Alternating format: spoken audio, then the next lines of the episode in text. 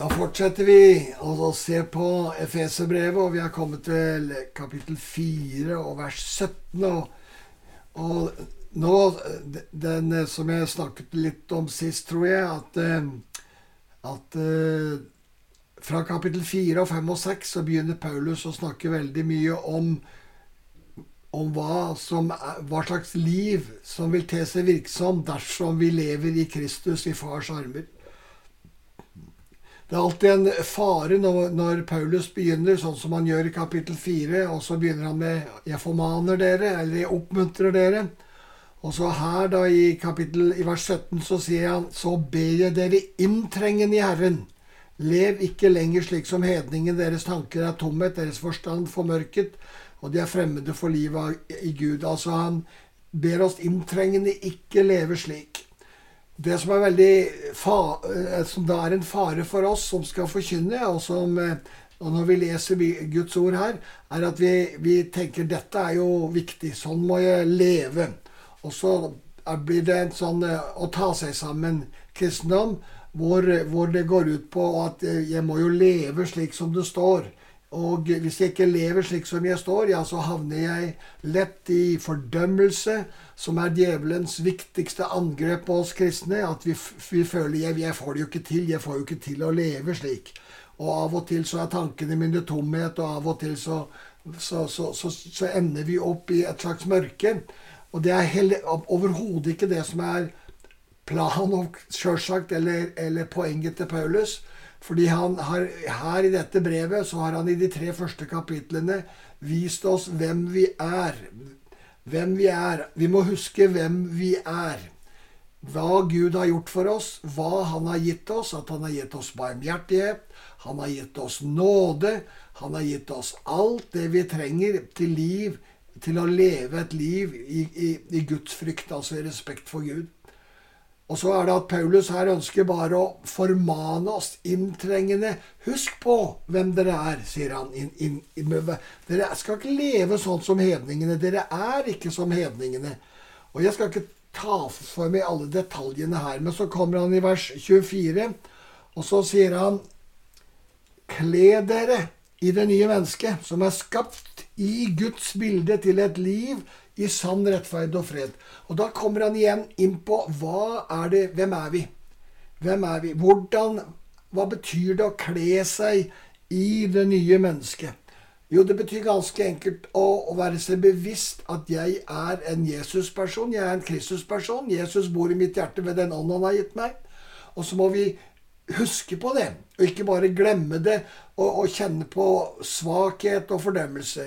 Jeg mener Det er ålreit å kjenne på svakhet og vite at i meg, og det er i mitt kjød, bor intet godt. Men på den annen side så skal jeg få lov til å ha den frimodige tillit at Gud har gjort et liv i meg. Han har frelst meg. Han har gitt meg Kristus i hjertet, og han vil at jeg skal få leve i fars armer. Dette er det å kle seg i det nye mennesket og vite hvem jeg er. Ganske enkelt vite hvem Gud har kjøpt meg til å være, og at dette livet nå florerer og flyter i årene mine. Eh, Peter sier i, i Ann Peters brev så sier han at vi har fått en del i guddommelig natur. Altså vi har fått Guds DNA inni oss. Dette er jo det den ånd den fullkomne ånd, kjærlighetens ånd, som har kommet inn i oss. Det er det å kle seg i det nye mennesket. Det å kle seg i det nye mennesket er ikke å ta seg sammen. Det er ikke å, å, å, å surve over min egen skrøpelighet og vår egen eh, tilkortkommenhet og ende opp i, i, i, fordømmelse. Men det er rett og slett å vite at jeg lever i Kristus. Det er ikke lenger jeg som lever, sier Paulus i, i Galaterbrevet 2,20. Det er ikke lenger jeg som lever, men Kristus lever i meg. Og det livet jeg nå lever, sier han, det lever jeg i tro på Guds sønn. Det lever jeg ut fra det nye mennesket. Ja, Paulus går jo så langt, til og med i, i Romerbrevet 7, at han sier ganske enkelt at når, når, jeg da synder, sier han, så er det ikke jeg som synder, men synden som bor i meg. Altså han adresserer skrøpeligheten, synden, det vi, alt det som gjør at vi kommer til kort, det adresserer han til kjøttet. Og så sier han at det er ikke mitt virkelige menneske. Men det er jo virkelig nok. Vi erfarer jo det, så jeg forstår det. Men allikevel så sier han min identitet er at jeg lever i Kristus, og Kristus lever i meg. Og jeg lever i fars armer, for slik levde Kristus. Så derfor er det altså at vi må, må ha oss dette bevisst. Og, og, konsekvensen av det er jo det som da står videre her. Konsekvensen er jo at vi legger derfor av løgnen, og så skal vi snakke sant til hverandre. Eh, for vi er hverandres lemmer. Så sier han om vi blir sinte, så skal vi ikke synde. Han sier ikke at det er galt å bli synd, men det som er farlig når vi blir sinte Hva jeg sa nå? Det er ikke galt å bli sint nødvendigvis. Men, men, når vi blir sinte, så er det lett at vi gjør dumme ting. Vi sier ikke minst dumme ting. Vi kan bli fortvilet noen ganger over våre barns reaksjoner. Jeg kan da huske jeg har gjort det noen ganger. Og da, da er det viktig hva gjør jeg da? Teller jeg etter ti? Eller reagerer jeg spontant ut ifra en, en, både en åndelig og kjødelig reaksjon, og, og, og det, det, vi da må, må, finne Vi må finne ut at vi er Vi har en ånd inni oss, og den ånden den vil alltid få oss til å spørre far hva gjør jeg nå? Hva gjør jeg nå? Kristus i oss betyr ganske enkelt at vi har den relasjonen til far som Jesus Kristus hadde. Og hans relasjon til far var at han alltid vendte seg til far for å se og høre hva far sier og dermed få visdom og forstand til å gjøre de riktige tingene i alle situasjoner. Jesus sa jo selv at 'jeg gjør ingenting av det som jeg selv vil, men jeg gjør bare det jeg ser far gjøre'. Det sier han i Johannes 5, 19. Og han sier også et annet sted at 'jeg sier bare det jeg hører far si', og jeg sier det akkurat slik som han vil jeg skal si det. Dette kan du lese i eh, Johannes 12, f.eks. 49 og 50, tror jeg det er. Så altså det å leve i det nye mennesket, ja, da vil det få konsekvenser. Og eh, da vil vi ikke gi djevelen rom. Det er det som det står om i vers 27 her. Gi ikke djevelen rom. Vi gir djevelen rom altså når vi reagerer ut og fortsetter å reagere i vårt kjøtt. Og det er da vi må vende tilbake til hvem vi er i Kristus, og ikke gi djevelen rom. Vel, dette er lettere sagt enn gjort, sier du, og det er jo egentlig sant, det. For vi, vi, strever jo med akkurat disse tingene. Vi strever med, med irritasjon. Vi strever med disse kjødets gjerninger fordi hjertet vårt ikke enda er berørt av fars kjærlighet på alle områder. Men dess mer hjertet vårt blir berørt av fars kjærlighet, og derfor er det at jeg gjentar det igjen og igjen i denne serien. Og, og, og Paulus bruker da et uttrykk i kapittel 5 hvor han sier 'bli fylt av Ånden'. Bli fylt av Ånden. Drikk dere ikke drukne på vin, sier han. Eh, det fører til utskeielser, men bli fylt av Ånden. For når vi lever i Ånden, så lever vi i Kristus, og da fullender vi ikke kjødets gjerninger, kjødets begjæringer, som, som Paulus snakker om andre steder. Så her ser vi altså at vi skal få lov å leve et sant og ekte liv, og det har konsekvenser. Da sier Paulus, da, da vil ikke råtne ord komme ut over leppene våre. Og, eh, og da vil vi være mennesker som velsigner. Så kan dere bli til velsignelse for dem som hører på. Gjør ikke Den hellige ånds sorg, for ånden er det seil dere er merket med helt fra frihetens dag. Altså fra dagen vi tok imot Jesus Kristus, ja, så har vi fått ånden i vår ånd, som etter hvert begynner å påvirke hjertet vårt og forvandle hjertet vårt. Det er derfor hjertet er selve poenget og, og kontaktpunktet som vi må leve med. Og, hvis vi, og Derfor vil Gud hele tida berøre hjertet vårt. Han vil forvandle hjertet vårt, og han vil skape åndens frukt i hjertet vårt. Og Derfor sier han her slutt med all hardhet og hissighet, med sinne, bråk, spott og all ondskap. All, all ondskap. Vær gode mot hverandre. Dette er jo så enkelt. Vi, ikke sant? Vis medfølelse. Og så kommer det å tilgi hverandre, slik Gud har tilgitt dere i Kristus. Så igjen så kommer han tilbake til et, noe av det mest fundamentale i det kristne livet, nemlig at vi er blitt tilgitt. Far har gitt oss barmhjertighet. Han har latt synd, han har latt den skyldige gå fri. Det er du og meg. Har, han har latt oss gå fri.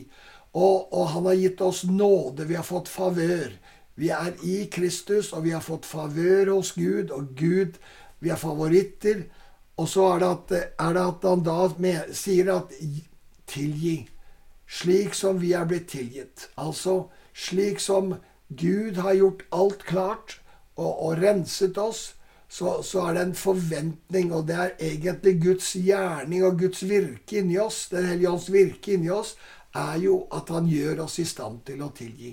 For det å tilgi er en enkel sak i noen tilfeller, og en uhyre vanskelig sak. Og det kan gå over år å kunne ettergi den gjelda som folk skylder oss. For det å tilgi er egentlig å ettergi gjeld. Jesus forklarer det i Matteus 18. At, eh, at når, er, når, noen har syndet mot oss, ja, så må vi se på synden. Vi må se på den, hva denne, denne synden som er begått imot oss, hva den innebærer. Og når vi tar det opp, hadde nær sagt, og tar det i hendene og ser dette har det kostet meg. Det at den og den gjorde det og det, at mor gjorde det, eller at far gjorde det, eller at læreren gjorde det, eller at andre mennesker har gjort det, det har ødelagt så og så mye. De har hindret livet mitt, det har gjort sånn og sånn og sånn. Og da er det ikke nok å bare si ja, ja, jeg tilgir det. Nei, da er du lurt. Og det er Jesus som sier det. For, den, for det hele Matteus 18 handler jo om at denne, denne forvalteren, han, han, han, vil ha greie på hva som er hva som disse, denne, denne andre underordnede har skylder han. Og når han da får greie nøyaktig på hva som, som, han, som skylda er, som gjelda er, ja, det er da han kan ettergi den. For da, da, er det ikke bare en sekk, sånn tilfeldig sekk, men da har han sett på det, og så syns han inderlig synd på denne, denne medtjeneren, og så ettergir han gjelden. Tilgivelse er å ettergi gjeld, men for å kunne ettergi gjeld, så må du faktisk se på hva gjelda er. For det er først når du har sett på det, og det kan være veldig smertefullt å se på det, fordi at du da ripper du opp i, i sår og ting, men du må være ærlig med deg sjøl og se på den gjelda som er, er din. Og når du så har sett på den, og så kan du ta en beslutning på å si at 'jeg ettergir gjelda'. Eller du kan kjenne at 'dette er for mye, jeg greier det ikke'. Og da er det at du må be sånn som Jesus ba. Far, forlat dem, for de vet ikke hva de, hva de gjør. Og så kan du be far, tilgi dem, for de vet ikke hva de har gjort. Og så kan det bli, bli mer og mer din egen bønn etter hvert. Jeg tilgir, jeg ettergir gjelda. Jeg ettergir gjelda, og så kommer friheten tilbake. Men det er en enorm pris, og det kan koste alt å greie å gjøre det. Fordi en del synd som er gjort imot oss, en del ting som er gjort imot oss, er så enorm at, eh, at eh, vi, vi, greier ikke å se på det og så bare streke det over. Og så må du huske på at når du har ettergitt gjeld, så betyr ikke det at, liksom, at, at det vedkommende gjorde, var ok. Tvert imot. Det vedkommende gjorde, var ondt, det var helt feil, og det var galt. Men du ettergir han gjelda. Og så er det ikke opp til deg å, å verken straffe eller, eller, gjøre noe annet, fordi du tenker at hvis jeg ettergir gjelda, ja, da går, da går han, går han eller henne eller den fri. Nei, sånn er det ikke. For det, for, det, for det Gud, han kjenner til alt dette her. Og så har han et ord som sier 'Jeg skal gjengjelde', sier Herren. Dette, dette, skal du overlate til Gud. For når du overlater dette til far, så tar han hånd om det. Og hvordan han vil ta hånd om det, ja, det må du overlate til han. Og ikke begynne å tenke at ja, da må du gjøre sånn og sånn, Gud. For Gud, han vil gjøre det som han ser. Så dette er et av nøkkeltingene i kristenlivet. Og veldig mange av oss sitter fast og kommer ikke videre. Det er som å gå rundt et fjell. Som, eh, og, så, og, så, kommer vi rundt på andre sida, og så jobber vi med, med ettergi gjeld. Og, og, og, så kommer vi ikke videre oppover mot fjelltoppen Fordi før vi har blitt ferdig med den ene runden, og den ene runden kan være nettopp å, å ettergi gjeld. Og, og, bli ferdig med det. Og la mennesket bli satt fri. For i det øyeblikket du ettergir gjeld, i det øyeblikket du tilgir, i det øyeblikket så kutter du båndene, de negative båndene, til den personen som har hengt seg på deg.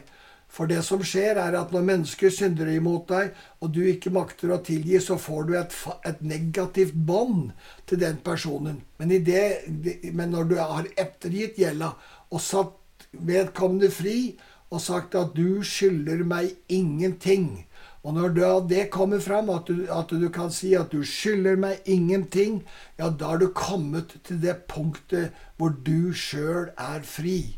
For det er din frihet Gud er ute etter. Og så får Gud selv ta seg av den andre personen. For det er ikke din sak og ikke din business i det hele tatt. Jeg gjentar dette, for det er så viktig at man ikke tenker at da, da, andre, da slipper den andre og så alt dette her. Det er ikke sant. For synden, synden har alltid konsekvenser, også for, for den som synder. Og det, det, får, det får du la Gud ta seg av. Det er som sagt ikke din business. Derfor er det altså at Paulus sier her 'vær gode mot hverandre'. Vis medfølelse og tilgi hverandre. Med andre ord ettergi gjeld. I denne nye bibeloversettelsen så brukes det f.eks. i Lukasevangeliet istedenfor ordet tilgivelse, så brukes det om å ettergi gjeld, som egentlig er en mye bedre beskrivelse av hva tilgivelse er, enn dette ordet tilgivelse. Det er et ord vi bruker mye, og så er det ikke så lett å forstå alltid hva det betyr, men når du sier at det er å ettergi gjeld, så forstår du det. Og det, som sagt, det var det Jesus talte om når han hadde sin hovedundervisning i, i, i evangeliene om, etter, om, tilgivelse.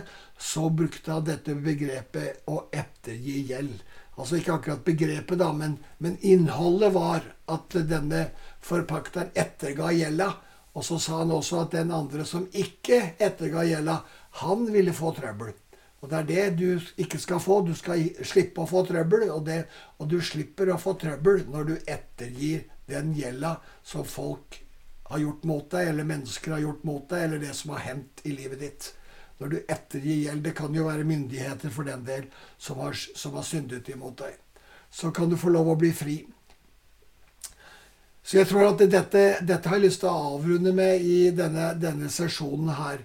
At uh, at dette livet som vi har fått i Kristus, dette livet som Paulus bruker åtte kapitler i romerbrevet på å beskrive, og som Paulus her i Efeserbrevet stort sett bruker tre kapitler på å beskrive. Og så begynner han på et nytt, på noe nytt. Og, og det er veldig viktig da at vi forstår denne sammenhengen. Så, og det skal vi se enda litt mer på i neste sesjon. Så vi, vi avrunder der også med, med, denne tanken og denne vissheten om at gjelda de er ettergitt fra Gud, og at du også kan få nåde, kraft og styrke til å ettergi gjeld, og slik bli satt i frihet til å leve uten å være knyttet til galt til andre mennesker. Så vi takker deg, far, for at du gir oss kraft. Vi takker deg, Hellige Ånd, for at du hjelper oss til å ettergi gjeld. For du vet hvor vanskelig det kan være, og hvor djupt, den, djupt de kreftene kan sitte i oss. Og hvordan fienden har kraft og tak på oss på det området. Men nå takker vi deg for at vi får lov å bryte med den kraften som fienden kommer med, og som vårt eget kjøtt kommer med, og så vil vi fri, bli fri til å ettergi gjeld. Kanskje litt etter litt, eller bare alt sammen. Men gi oss nåde til å se på gjelda. Gi oss nåde til å se på hva vi trenger å ettergi, så vi kan bli fullstendig fri. I Jesu navn. Amen.